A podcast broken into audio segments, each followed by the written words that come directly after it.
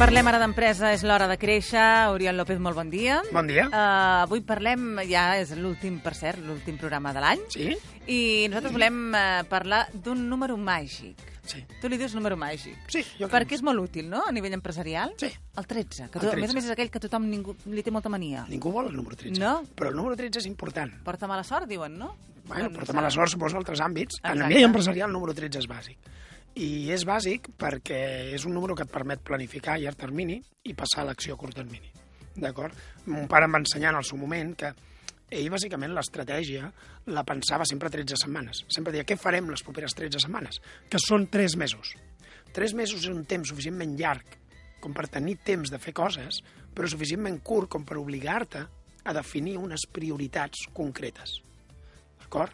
Uh, per això nosaltres sempre planificàvem a 13 setmanes. Això no vol dir que no tinguis una estratègia més a llarg termini, però a l'hora de definir prioritats, 13 setmanes és el número màgic. Si tu dius què farem les properes 13 setmanes, estem a final d'any, què farem d'aquí al dia 31 de març?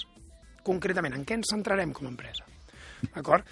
Però per què és màgic també? Perquè 13, el 13 també és, un cop tens clares les, les prioritats, has de passar a l'acció. Per tant, en tres mesos Clar, poden si no, passar- Si, si no arrenques... poden passar mil coses. La gent Sí. no arrenca, ara no tinc temps, això. Per tant, aquí era l'altre punt del 13, que són 13 dies.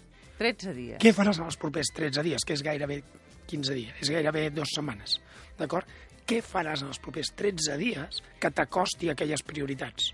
Per tant, sempre que feu un pla d'acció, el que has de fer és posar com a data per fer accions, eh, com a data del proper pas, menys de 13 dies. És la manera de que realment t'acostis a, a la... I de que arrenquis bé. I de que arrenquis bé.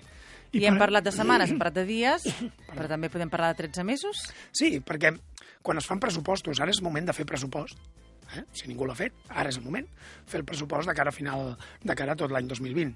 Jo sempre he animat que no només el pressupost ha de ser mensual, és a dir, que inclogui gener, febrer, març, tots els mesos, sinó que ha d'incloure un mes més. D'acord?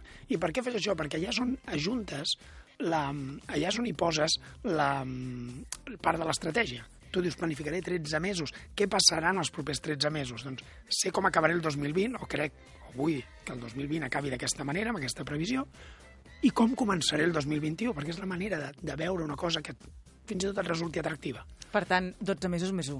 12 mesos més 1. Podries dir 12 mesos més 1, 12 setmanes més una, 12 dies En, però en aquest més cas és molt gràfic perquè 12 mesos és l'any, Correcte. però fer una mica més. És a dir, Exacte. anar més enllà de l'any i pensar ja en com començarem l'altre. Clar, sempre has de pensar en què faràs la propera vegada. I Clar. això et permet pensar una mica més enllà dels, de, del mes que estàs eh, visquent. Doncs escolta'm, ara és moment perfecte per fer aquestes I tant. previsions, perquè estem a final d'any i això ja s'acaba, però en comença un altre. En comença un altre, pel qual marcarem objectius. Ah. Exacte, sí senyor, n'haurem de marcar.